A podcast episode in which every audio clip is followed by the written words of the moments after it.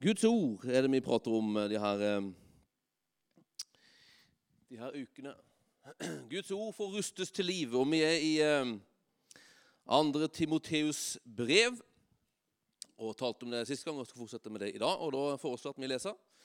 Og jeg synes det var en god ting at vi leste det sammen som vi gjorde sist. Det er, det, da får man det inn via øynene, og så får man det inn via ørene. Og så er større, sjansen større for at det faktisk sitter, eller iallfall mer. Men du skal holde fast Det var et dårlig kor. Er dere med? Les med meg.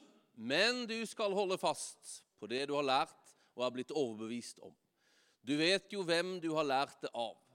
Helt fra du var et lite barn, har du kjent de hellige skriftene, de som kan gi deg visdom til frelse ved troen på Kristus Jesus. Hver bok i Skriften er innblåst av Gud og nyttig til opplæring, tilrettevisning, veiledning og oppdragelse i rettferd. Så det mennesket som tilhører Gud, kan være fullt utrusta til all god gjerning. Så sant som han kommer og oppretter sitt rike, pålegger jeg deg for Guds og Jesu Kristi ansikt, han som skal dømme levende og døde. Forkynn ordet, stå klar i tide og utide, vis til rette, tal til tukt og tal til trøst med all tålmodighet og iherdig undervisning. Ikke helt lett det der å lese i kor med en taler som ikke helt holder takten. Men det å lese, lese Skriften høyt er et bra tips, faktisk. Jeg bruker ofte å gjøre det. Jeg leser ofte tidlig på morgenen, da, så jeg kan ikke skrike så høyt. Men ofte så, så artikulerer jeg det jeg leser, med munnen min. Så høyt at jeg hører det med øra. Det er en god ting å gjøre. Det er sånn man gjorde det i, i ordentlig gode gamle dager. Eh, i antikken og sånn, så gjorde man det. Så det er veldig si, Det står ikke i Bibelen at man skal gjøre det, men det, det, antydes faktisk i Bibelen å gjøre det. For det var sånn man leste Skriften, helt enkelt. Et godt pedagogisk tips. Jeg talte om det her sist, og da betoner det her at Gud, Guds ord er levende. Det er, det er, er, er Innblåst av Gud, står det. Det er gjort levende av Hans ånd. Det er som ordet og ånden er en sånn livgivende duo som Gud bruker for å gjøre det han vil gjøre. Guds ord det er skapende, og det, det, det gjør noe. Når Gud gjør noe i våre liv, så gjør han det alltid ved sitt ord. Og Jeg brukte denne lignelsen med eh, Theodor og hans eh, Lego. Theodor han, eh, han er for tida utrolig interessert i Titanic. Og Lene tok jo liksom poenget sist gang jeg talte om det her, så, så ringte hun meg sånn 'Jeg har en tjukk bok om Titanic. Tror du Theodor vil låne den?' Og det vil han veldig gjerne. Så nå er Theodor innehaver av en tjukk bok om Titanic, som Lene har sagt at han kan låne så lenge han vil. Så i går sa han 'Jeg skal låne den boka i 70 år'. sa han. Bare så du vet. Så han han er begeistra for Titanic, og han fantaserer om Titanic, og han spør om Titanic og alt sånt der. Og, og et resultat av det han gikk og bar av bilder av denne Titanic, det var at han ville gjøre den liksom synlig for øynene sine. Og da brukte han Lego, det som han har masse av og tilgjengelig. Så brukte han Lego, og så gjorde han på en måte det, han, det indre bildet han hadde, gjorde han synlig foran sine øyne ved bruken av Lego. Og det er akkurat sånn Gud gjør. Han bruker Lego. Derfor at Lego, eller lego som det heter på gresk, det betyr 'jeg sier'. Så når Gud vil gjøre noe, så sier han det. Og det ordet han sier, det er har med seg potensialet til å skape det det sier. Og Gud har en tanke, en plan med ditt og mitt liv å gjøre noe. Og da vil han gjøre det på den måten som han gjør alt, nemlig ved sitt ord. Derfor så er han liksom så, så, så, avhengig av at Guds ord lever iblant oss, kommer inn i livet våre, for at han kan kunne skape det i våre liv som han ønsker å skape. Guds ord er viktig. Jeg spurte her, Theodor her om dagen, egentlig en litt annen sammenheng. spurte jeg, Theodor, hva er det du liker aller best her i verden. Jeg hadde tre ting sånn. Jeg liker å kjøpe Lego, jeg liker å bygge Lego, og jeg liker å leke med Lego. så, så han svarer 'Jeg må ha Lego'. Jeg hørte en taler Viggo Klausen her for noen år siden talte om Guds ord. Og så bare kjørte han sånn en slogan gjennom hele talen som sitter som et skudd. Han sa jeg bare, Ordet. Jeg bare må ha det! Jeg bare må ha det! sånn. Gang på gang på gang på gang. Og vet du hva? Det er en sånn utrolig bra greie å ha i livet sitt. En sånn her motto for livet. Guds ord. Jeg bare må ha det! Bare må ha det. Ikke fordi at du, du, det er det som avgjør om du kommer til himmelen eller ikke, om du leser Guds ord. Nei. Så på en måte så må du ikke ha det for å være kristen. Men likevel så må du ha det for å bli det som han har tenkt at du skal bli. Og for å leve det livet som han har tenkt at du skal leve. Så det her Guds ordet, det er sendt og gitt oss for å gjøre noe i våre liv. Og her i denne teksten så er det som det er sendt for å gjøre, det er for å gjøre oss fullt ut rusta, står det. Fullt utrusta til all god gjerning. Og det her Ordet som brukes her, det er et ord som helt enkelt handler om å bli satt i stand for en oppgave. Eller satt i stand for en tjeneste. Et lignende ord brukes faktisk når Jesus kaller disiplene ved Genesaretsjøen. Han kaller jo Peter og Andreas og Jakob og Johannes som fisker. ikke sant? Og Når han kommer til dem, så står det, det står at han, de gjorde i ordning garnene. står det. Har du lest det? Det er det ordet. De gjorde i ordning garnene. Til hva da? til å brukes som fiskeredskap. De måtte gjøres i ordning. Samme ord brukes òg om, om, å gjøre i ordning militære armeer for strid. Jeg ville tro det kunne brukes òg for å gjøre i ordning Filip Philip Ingebrigtsen for å løpe 1500 meter finale om noen minutter. Det handler om å gjøre i ordning og sette i stand for en oppgave eller en tjeneste. Gud har et kall på ditt og mitt liv, en hensikt med våre liv. Og det er at vi skal bli fullt utrusta til all god gjerning. Hva er denne gode gjerningen han ønsker for oss? Hva er all god gjerning? Jo, han ønsker at vi skal gjøres like han. For å gjøre hans gjerninger. For å ligne han. med Jesu Kristi disipler. Alle som tror på han er kalt til å være disipler, etterfølgere. Og en etterfølger eller en disippel det var en som skulle gjøre samme gjerninger som sin mester gjorde. Og så var det en som skulle ligne sin mester i det han var. Måten å være på, helt enkelt.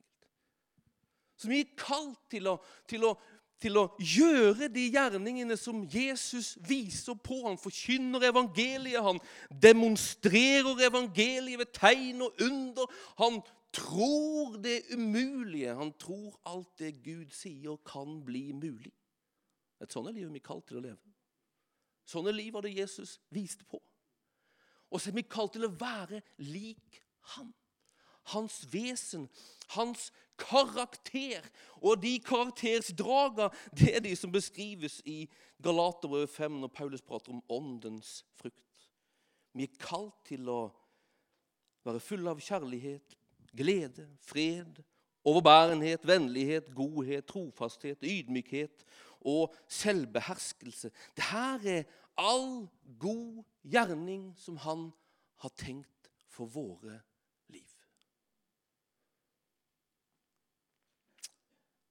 det er noe langt mer enn vi klarer å produsere sjøl. Vi er avhengig av hans hjelp. Vi er avhengig av at han får liksom trene oss, lede oss, hjelpe oss. Og han tenker å gjøre det. Han har bestemt at han vil gjøre det. Han har bestemt at han vil bygge. Han har bestemt at han vil se det. Drømmen han har for ditt og mitt liv, virkeliggjort. Og måten han tenker å gjøre det på, det er hans ord. Hans ord.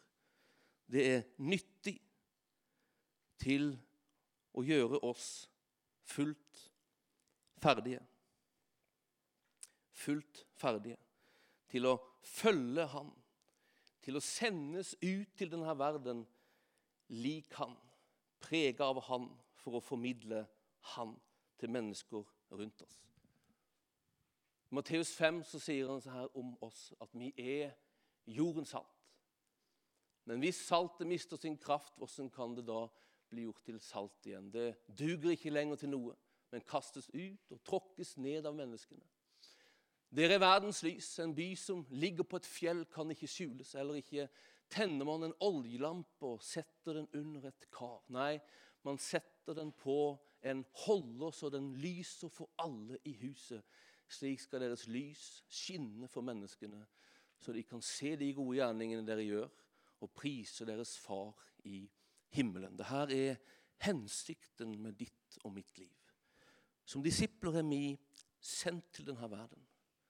Og vi er sendt for å være salt, og vi er sendt for å være lys. Vi er sendt for å bringe et lys som peker på sannhet, som peker på veien, som synliggjør Han som er verdens lys med stor V og stor L. Og vi er sendt for å hjelpe mennesker inn i relasjon med Han. Vi er sendt som lys, og vi er sendt som salt for å hindre og for å motvirke alt som bryter ned, ødelegger og virker destruktivt i menneskers liv og i omgivelser som vi er i kontakt med. Vi er lys, og vi er salt. Utsendt av Han. Dette vil han sette oss i stand til. Dette er all god gjerning. Han vil sette oss i stand til å leve et liv som får en påvirkning der vi er. Lys og salt vet du, det påvirker der det er. Lys påvirker der det er. Salt påvirker der det er. Dette er, er glad i å lese historie. Jeg leser ikke så mye filosofihistorie som Jens Eger gjør, men, men misjons- og vekkelseshistorie liker like godt å lese. Og her, her eh, Tidligere i uka så leste jeg om en som heter Peter Milen levde på 1800-tallet, begynnelsen av 1900-tallet. og, han, og han, eh, han, var en sånn misjonær. Han, eh, eh, han, var en del av de her som reiste ut på en sånn såkalt one way mission. Altså Det var enveisbillett uten noen som helst plan på å reise hjem igjen. Det var helt enkelt å gi sitt liv. Og Peter Milen han reiste til en stamme nede i Stillehavet. I dag heter den Vanuatu, hvis du er veldig kjent. Men tidligere, før Peter Miles' tid, så hadde det vært sendt flere misjonærer til denne øya. Men, men det her var et kannibalfolk, og alle som reiste dit, ble drept. Så Misjonsselskapet som Peter Mile hadde en tilknytning til, de, de hadde helt enkelt ikke noe særlig interesse av å sende nye misjonærer. Men han overtalte de helt enkelt, Han kjenner han skulle dit. Han overtalte de. Og De tenkte sånn, her er en som liksom overtaler oss og iherdig ivrer etter å få dø. tenkte de. Men noe brant i han, gjorde han villig til å klive ned på denne øya. Og så hadde de en deal. da, ok, Du skal få lov til å reise, men da, da får du faktisk sende oss et brev hvis du overlever. Som vi vet at du har klart deg. Han reiste ned, de hørte ingenting fra han og regnet med at han hadde fått gi sitt liv. Flere år etterpå, 30-40 år etterpå så kom det noen nye misjonærer ned dit og fikk se at han levde ved beste velgående. Og når de kom ned der, så var hele øya blitt kristen. Det er så historien iallfall beskriver det som. Hele øya hadde blitt kristen. Så går det noen år, og så, så dør Peter Milen, og så skriver de innfødte noe på hans gravstøtte. Når du kom, fantes det inget lys blant oss. Når du forlot oss, fantes det inget mørke. Vet du at Alle oss er ikke kalt til den slags liv. Det er ikke alle oss Gud er ute etter å sette i stand for å reise ned til en øye Stillehavet.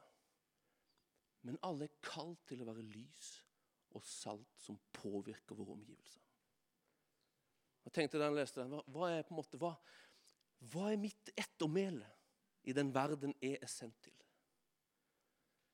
På hvilken måte får jeg være lys med mitt liv? På hvilken måte få være salt med mitt liv? Kommer ettermælet etter Vidar Rød å være? Når du kom, fantes det inget lys blant oss. Når du forlot oss, fantes det inget mørke. Dere ler. det er naturlig å tenke sånn, men det, vet du hva? det er Guds drøm for ditt liv. Det er Guds drøm for ditt liv at noe av det der skal få skje gjennom livet ditt. Og det ønsker han å sette oss i stand til. Det ønsker han skal få vokse fram i våre liv mer og mer. Han ønsker å gjøre oss fullt utrusta til å være det der. Og han gjør det ved sitt ord ved at Hans ord helt enkelt får undervise oss, tilrettevise oss, veilede oss og oppdra oss. Hvis du ser på de her ordene og studerer de, det er interessant å gjøre det, så er det som at det, det fins liksom to ord som betoner teori, eller liksom overbevisning, og det å tro rett, det å tenke rett, det å, det å liksom bli, bli liksom, uh, Å få liksom en rett innsikt om ting. Og så er det to ord som mer handler om hvordan man kan gjøre rett ting. Så det som måtte finnes her hos Paulus som teori og praksis hånd i hånd. Og jeg leste i, eh, i, eh, i, i eh, Hverdagsbibelen, vet ikke om noen leser den? Så står det, det var en ganske interessant oversetning. Derfor er ordene har de oversatt de her verset som vi leser nå. Derfor er ordene nyttig lærdom som vil overbevise mennesker om hva som er rett. Det handler om overbevisning. Det er liksom teorien. Og så står det De rettleder oss og gir opplæring i hva rettferdighet er. Rettferdighet er rettferd. Det er å gjøre rett. Så Guds ord ønsker å produsere liksom en sånn indre rett overbevisning. En rett oppfatning om hva som er virkeligheten, hva som er sannheten. Hva som er sannheten om Gud, hva som er sannheten om du, hva som er sannheten om livet. Men så ønsker August ord å liksom produsere levd liv. Det er liksom ikke en sånn teori som er målet. Guds ords mål Gud har ikke målet med sitt ord liksom å gjøre oss til store, liksom ha store hoder. Som vet allting, kjenner til allting, det er bra, det. Men det er det som er første steget. For tanken er at den innsikten skal være av den slag at det produserer levd liv. At det påvirker hva vi gjør med hendene våre, hva vi gjør med føttene våre, hva vi gjør med munnen vår. Teori og praksis. Ønsker å produsere lydighet, helt enkelt. Og så fins det her en slags spenning i det her. òg de her blant de her fire ordene. Noe som handler om å bygge opp noen ting. Undervise, veilede. Men òg noe som mer handler om å korrigere og rive ned ting. Tilrettevise og fostre. Det fins en spenning i Guds ord som handler om den ene sida å bygge opp, støtte, bekrefte. Men på andre sida fins det òg ting i Guds ord det er sendt for å korrigere det som er feil. Rive ned det som ikke skal være der. Endre kurs på det som går i feil retning. Det fins en spenning i Guds ord for at Hans ord skal få fostre oss, for at Hans ord skal få sette oss i stand og ruste oss for å være et folk som er lys og salt i denne verden. Og vet du hva? Jeg tror vi som Guds folk må ønske det velkommen i våre liv.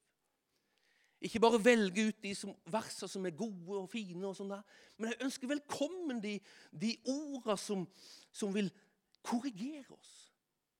Det kan være om ting vi tenker, ofte om oss sjøl. Vi tenker fryktelig lite om oss sjøl. Guds ord tenker mye større tanker om du enn det vi ofte gjør sjøl. La det ordet få tale inn i livet ditt som Grete var inne på, grunn på de ordene som egentlig er så mye større og så mye bedre enn vi kan fatte og forstå. Men så fins det òg ord som handler om å korrigere hva våre hender og våre føtter og vår munn gjør. Det fins ord som vil korrigere bort baktalelse. Det fins ord som vil korrigere ting i våre liv. Ønsk de velkommen òg. Sånn at Hans ord får fostre oss, får sette oss i stand, får forberede oss til alt godt verk som Han har kalt oss til. Det fins en spenning av både positivitet og kall det negativitet i Guds ord som vi bør ønske velkommen. Og det her kan jo finnes i samme vers. For ulike personer som leser ulike vers, så fins det potensielt begge deler. Tenk på det her ordet her. Johannes 3, 16. For så høyt har Gud elsket verden at han ga sin sønn, den enbårne. Og så kjenner vi de her orda. I de her orda så fins det jo undervisning om en Gud som elsker, om, en, eh, om, at vi som mennesker er elska av Han, at vi som tror, ikke er dømt, men vi skal ha evig liv. Men at den som ikke tror, er dømt og går fortapt. Det fins god undervisning her, ikke vel? Det underviser oss. Og så fostrer det oss til å leve rett. altså liksom Det heier på oss. liksom. Lev sånn, lev sånn, lev sånn. Det handler om å elske mennesker, ikke dømme mennesker. Jesus kom ikke til verden for å dømme den, og vår oppgave i verden er heller ikke først og fremst å, å dømme verden, men å peke på Frelseren. Det maner liksom på, veileder oss på hvordan skal vi leve rent praktisk i verden. Og så fins det i denne potensielt liksom tilrettevisning og veiledning. Er vi dømmende i møte med verden, så, så er Guds ord sendt her for å, for å dømme det, eller for å tilrettevise korrigere i våre liv. Altså, Ser dere det her? altså? Han sender liksom ordet med de her hensiktene for å gjøre oss fullt ferdige. Vær åpen for det i møte med Guds ord. Be om det, at han skal få gjøre sitt hele og fulle verk. Og peke på de tingene som han ønsker å korrigere, endre, rive ned i livet våre. Han ønsker å fostre oss. Fostre oss. Og Da tror jeg på en måte at når det gjelder fostringa, når det gjelder at Guds ord skal få lov til å fostre våre liv, så fins det nærmest forutsetninger. Forutsetninger for fostring. FFF. Og Jeg tror at det er en sånn forutsetning det at Gud han tenker at fostring skal starte i det indre. Derfor tror jeg det er så utrolig viktig at Guds ord får komme. At vi fyller oss med Guds ord. Jeg husker i, i, i Sverige så hadde det her med det her med det her ordet som har med, som har med liksom å, å, å, bli fullt utrusta Det heter eh, katartis på gresk. Katartis. Og Det var et sånt ord som ble veldig inn i liksom, trosbevegelseskretter. så skulle man Katartisen. Det handler om å fostre til rett måte å tenke på. Og vi tok det her veldig liksom, til oss fostre til rett tenkende. Så Jeg husker vi var jo, jeg var jo blant lederskapet der, og vi hadde en særskilt oppgave. opplevde meg for selv. At vi skulle fostre de andre til å tenke rett. Og vi kom liksom der, og det her, Jeg har prata med folk i ettertid som jeg liksom var ledere til. Og, sånt, og de sa, En sa til meg sånn Ja, når du kom, så så var det enten at du skulle ha på en tjenesteliste, eller så var det en eller annen form for fostring. jeg kan se for meg med. ikke det? Som store.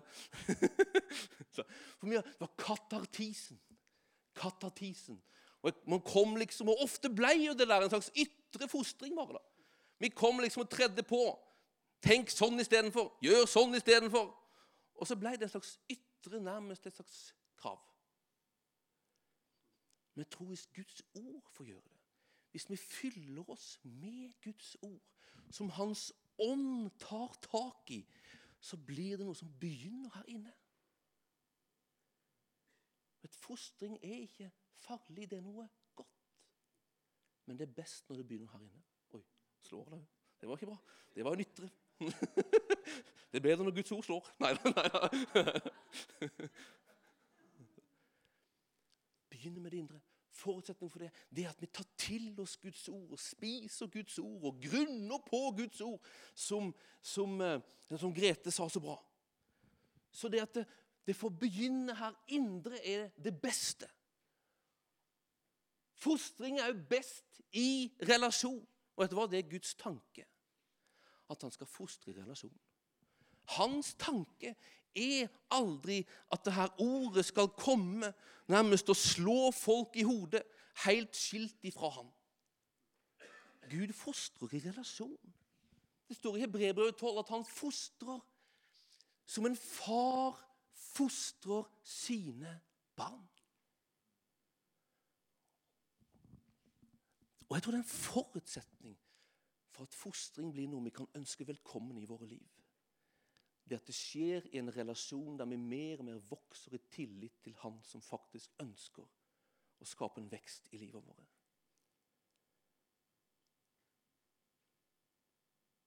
Han fostrer i relasjon. Ønsker relasjon. Ønsker at vi skal lære å kjenne Han som far. Ofte er jo det her når vi kommer liksom, og møter på de her liksom, ordene som liksom vil fostre oss og korrigere oss, så er første reaksjonen hos oss det er på en måte å fly. Og det er lett at, slår, at tanken slår oss at vi er liksom ikke gode nok, vi er ikke bra nok. blir liksom Her, her blir vi bare liksom avvist og diskvalifisert. Det er lett at liksom det blir resultatet av fostring. Men vet du hva? Hebrevet 12 sier at fostring, at Gud vil, vil tilrettevise oss og fostre oss, det er tegn på at vi faktisk er barn av Han. Altså Alle som er foreldre her. Det er jo helt ulogisk at vi ikke vil fostre våre barn. For vi ønsker det beste for våre barn. Og det samme er det med Gud. Han ønsker å fostre og veilede oss fordi han ønsker det beste for våre liv. Så hvis han ikke ville det, så er det mer et tegn på at vi ikke er hans barn, enn at vi er hans barn. Det tredje fostring funker best på et fundament. Jeg tror Gud ønsker å bygge et fundament som far i våre liv, på samme måte som jeg ønsker å bygge et fundament i mine barns liv som gjør dem mottagelige for min veiledning og tilrettevisning. Det fins et fundament som Gud ønsker å bygge. Han bygger det ved sitt ord. Og Han ønsker å bygge det opp og bygge det opp og bygge det opp og bygge det opp. Ved å undervise det opp, og så ønsker han å ta bort de tankene som, som taler imot det, og som på en måte ikke klarer å tro det, og som sier noe annet. Det handler om hvem tilhører du, og hviler den tilhørigheten på. Hvem tilhører du? Signe og Theodor det er mine barn. De tilhører meg. Og de kan faktisk ikke gjøre noen ting for å endre det. Tilhørigheten hviler på at jeg har gitt dem livet. Og Sånn er det med Gud. Vi som har tatt imot Jesus, vi er hans barn. Vi er hans sønner, vi er hans døtre.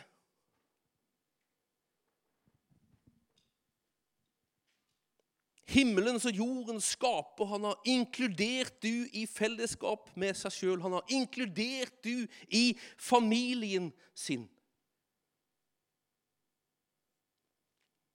Hva er fundamentet for det? Hva er grunnen til det?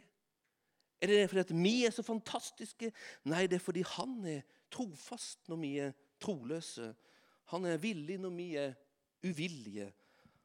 Han har ofra sitt liv for vår synd om vi ikke kunne gjøre noe med det. Og det er ved Hans ord og ved Hans ånd at han har født oss på nytt og ført oss inn i sin familie. Din og min tilhørighet min venn, hviler helt og fullt på det han har gjort, og han har villa, på samme måte som dine og mine barn. Hva er den grunnleggende holdningen til du, og hva hviler den holdningen på? Min holdning til Theodor og Signe er at jeg elsker dem. Jeg, vet ikke, jeg kunne aldri forestille meg den kjærligheten før jeg ble far. Jeg kunne aldri forestille meg å kunne elske noen så høyt som det jeg opplevde når jeg ble far. Og så er den kjærligheten allikevel bare en slags Nesten en rest eller en bit av hans hjerte og hans kjærlighet. Hans holdning til alle mennesker er at han elsker, at han vil ha de, at han vil det beste for de. Og vet du hva? Den som elsker mest, fostrer best. Den som elsker mest, fostrer best. Vi kan ha erfaringer av ufullkomne foreldre. Av en ufullkommen og, og ofte nesten grotesk fostring. Men hans fostring kommer ut av en fullkommen kjærlighet til oss. Hans grunnleggende holdning til du, han ønsker å skape en trygghet hos du, at han elsker du uansett. Og at det skal gjøre oss mottagelige for de orda som vil tilrettevise oss og mer fostre oss. Hvor er stedet, og hva er kraften til endring og forflytning når det kreves? Mine barn er alltid velkomne hjem til meg. Jeg vil de vel, og jeg mener det, det er det jeg håper den dagen de behøver å gjøre ting i livet, endre ting i livet, og rette ting til i livet som kanskje kan være vanskelig, så vil at de skal komme til meg. Og jeg vil hjelpe dem med hele mitt liv. altså. Med all min kraft og med all min styrke og alt hva jeg kan, så ønsker jeg å stille opp for mine barn i tykt og tynt. Og Det er faktisk Guds holdning også til våre liv. Når vi innser at det finnes ting i våre liv som ikke er liksom som det burde være, når vi gjør ting i våre liv som ikke vi burde ha gjort, så er hans lengsel og hans ønske at det skal finnes et fundament i ditt liv som er trygt nok på han til at du kommer til. Men at Når han kommer med sin sannhet, så kommer sannheten aldri alene. For med hans sannhet så kommer alltid hans nåde. Vet du, Jeg tror sannhet uten nåde kan være brutal. Og Sannhet uten nåde fører ofte skam på mennesker. Men sannhet med nåde fører til frihet. Hans sannhet kommer aldri alene. Det er nåde og sannhet. Nåde og sannhet. De går hånd i hånd, og jeg tror at de behøver å gjøre det for at det skal føre til frihet. Og at det skal føre til det livet han har tenkt at hans fostring og tilrettevisning skal føre oss til, nemlig nærmere han. Nemlig mer lik han. Så at vi kan få være lys og salt i denne verden. Jeg tror vi må la ordet få utfordre oss at vi må la ordet få skape endring hos oss. Hvis vi ønsker at han skal få gjøre oss fullt ferdig for den gjerningen som han har tenkt for våre liv. Men jeg tror at det òg er viktig for at det, skal, det at det skal si at det er fundamentet for å finnes i våre liv. At Guds ord får komme og gjøre sitt verk. At fostringen skjer gjennom Guds ord. Ikke gjennom ivrige ledere som er opptatt av katartisen. Jeg tror at det må skje gjennom at vi forstår at Gud vil fostre i relasjon. At han vil relasjon med våre liv. At han vil være far til oss som er hans barn. Og så tror jeg at det må få skje gjennom at et fundament blir bygd i våre liv. Men jeg tror hans tanke, hans kall på våre liv, er at vi skal ønske velkommen hele spekteret av hans ord og hans gjerning i våre liv, for at vi skal forbli fullt ut ferdig for den gjerning han har tenkt for oss. Vet de her One Way-misjonærene de brukte de å gjøre liksom, å, å, å, pakke eiendelene sine ikke i en reisekoffert, men i en kiste. En kiste. Så de reiste ned liksom, med eiendelene i, sin, i en kiste med som tegn på at de har helt enkelt dødd bort fra alt i livet. En som heter A.W. Tozer, han, han sier det sånn her. Det fins i hver eneste kristens hjerte en trone og et kors. Uten at du lar deg detronisere i ditt eget hjerte ved å korsfeste selve. Uten at du kliver ned fra tronen og gir plassen til Han som er Herren i livet ditt, så blir kristenlivet ditt redusert til en skygge av det som var tenkt til noe svakt og åndelig sterilt. Jeg tror vi må ønske velkommen Guds ord òg til å peke på ting i livet som ikke ligner på Jesus. Og la det helt enkelt føre oss til et sted hos ham. Men bønn og en lengsel om at han skal hjelpe oss, flytte oss, endre oss.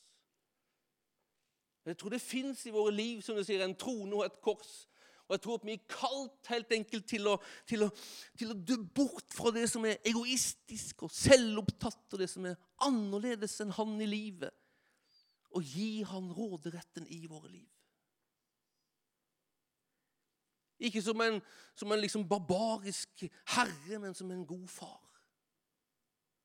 La Han få trone i våre liv. Det finnes i hvert kristens hjerte, sier A.W. Tozer. Jeg tror at han har helt rett. Jeg prater ut ifra egen livserfarenhet. At vi lett inntar vår trone og beholder herreveldet over iallfall deler av våre liv. Men kallelsen er at Kliv ned. Ta opp ditt kors. Dø fra deg sjøl. Og la Han få være herre i livet ditt.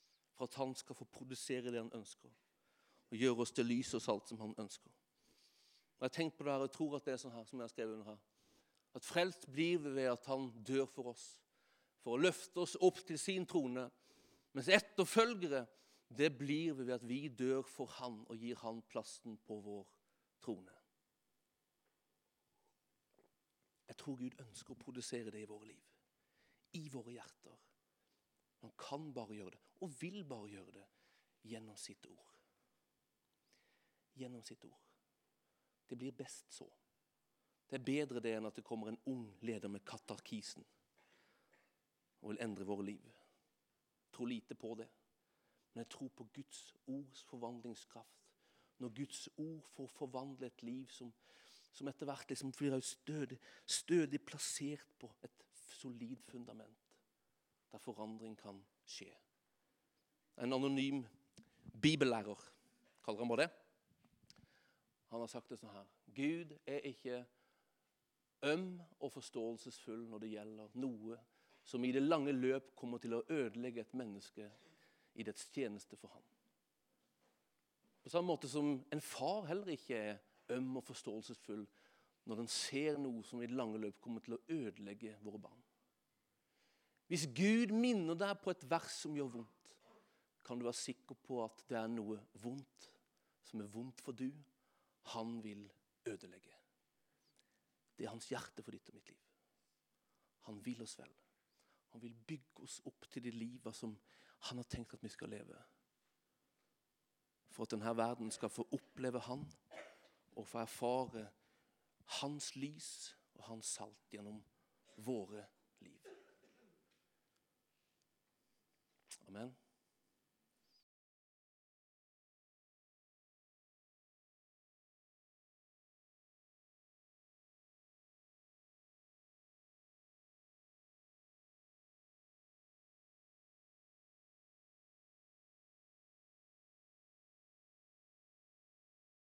Hans ord.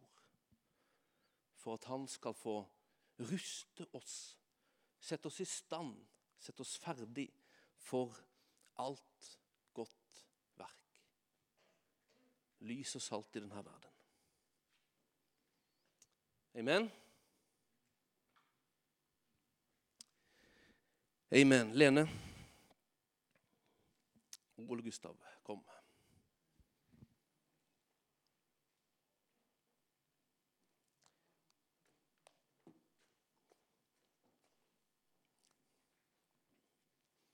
Guds ord virker ulikt i ulike personers liv. Det gjelder også forkynnelse. For noen kan det ha vært god undervisning. For andre kan det ha vært en slags kjenner en maning til å elske eller til å gjøre noe. Andre kan oppleve en slags korrigering i det her. Og jeg tenker det er supert hvis så oppleves. For jeg tror Guds ord liksom har alle de aspektene i seg.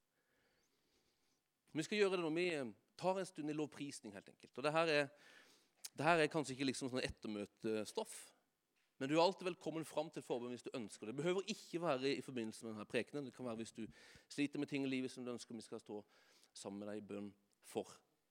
Eller så tar vi en stund i lovprisning og la på en måte det her få, få få virke i deg. Stå innenfor Herren og bare rett din lovsang og tilbedelse til Han. Og Er det sånn at vi står her, at Gud liksom påminner deg om ting? Det er ting du kjenner og opplever kanskje at på en måte er en hilsen til andre. Oppmuntring til andre. Så er du veldig velkommen til å bære det fram, som vi bruker å gjøre. Så vi tar en stund, og Kafeen kommer til å åpne etter hvert. og det er liksom sånn, som Jens Vegard sa, en sånn flytende avslutning her. Men vi tar en, en stund her, og vi, og vi liksom har god tid. Så vi lar Guds ånd virke, ordet virke. Så leder dere oss i lovsang, dere.